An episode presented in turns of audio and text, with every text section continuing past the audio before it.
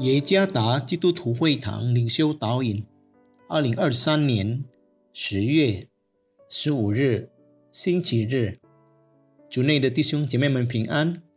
今天的领袖导引，我们要借着圣经腓立比书一章十八到二十六节来思想今天的主题：为基督而活。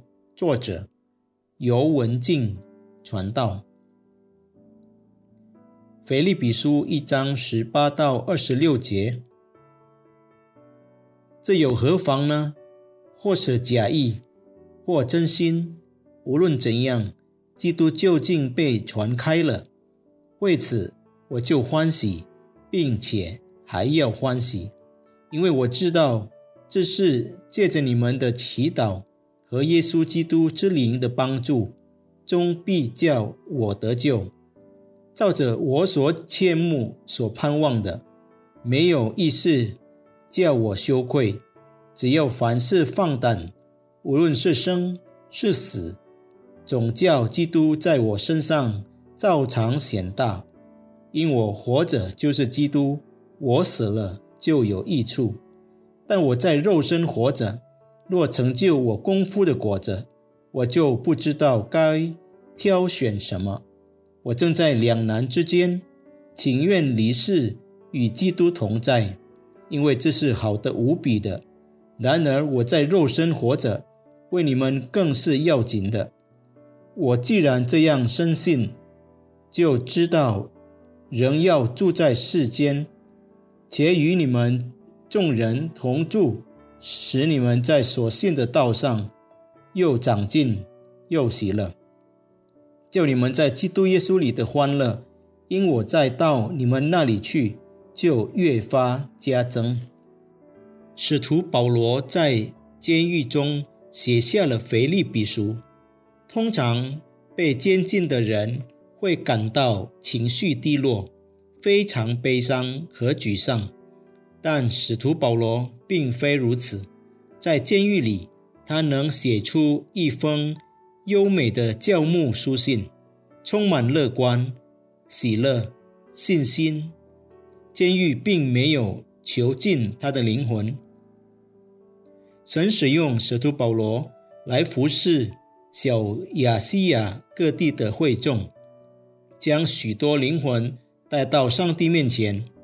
神在使徒保罗的侍奉中行了许多神迹。然而，他惊人的服饰与他所经历的却是成反比的。他被自己民族的长老逮捕并监禁。那时候的监狱是很可怕的，房间狭窄、肮脏、闷热且不人道。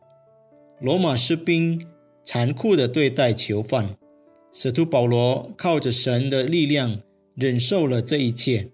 他始终坚定不移，甚至兼顾了腓利比会众，使他们能够保持喜乐、忠心，并为基督而活。他在腓利比书一章二十一节中写下了一项非凡的人生原则：因我活着就是基督，我死了就有益处。因此，对于使徒保罗来说，生与死。都是为了基督，为基督而活，意味着所想、所说、所做的一切都以基督为中心，以待人信主。在我们身为基督徒的生命中，我们是否有像使徒保罗一样的生活原则，为基督而活，也为基督而死？在这个时代，也许我们没有机会像过去那样为基督殉道。但我们有机会为基督而活，为基督而活意味着我们所想、所说、所做的一切都是为了荣耀神，在日常生活中实践神的话语，向未信的人传福音，并成为有需要之人的祝福渠道。无论我们身在何处，为基督而活，都会鼓励我们成为上帝的见证人。不惜一切代价为基督而活，愿上帝赐福弟兄姐妹们。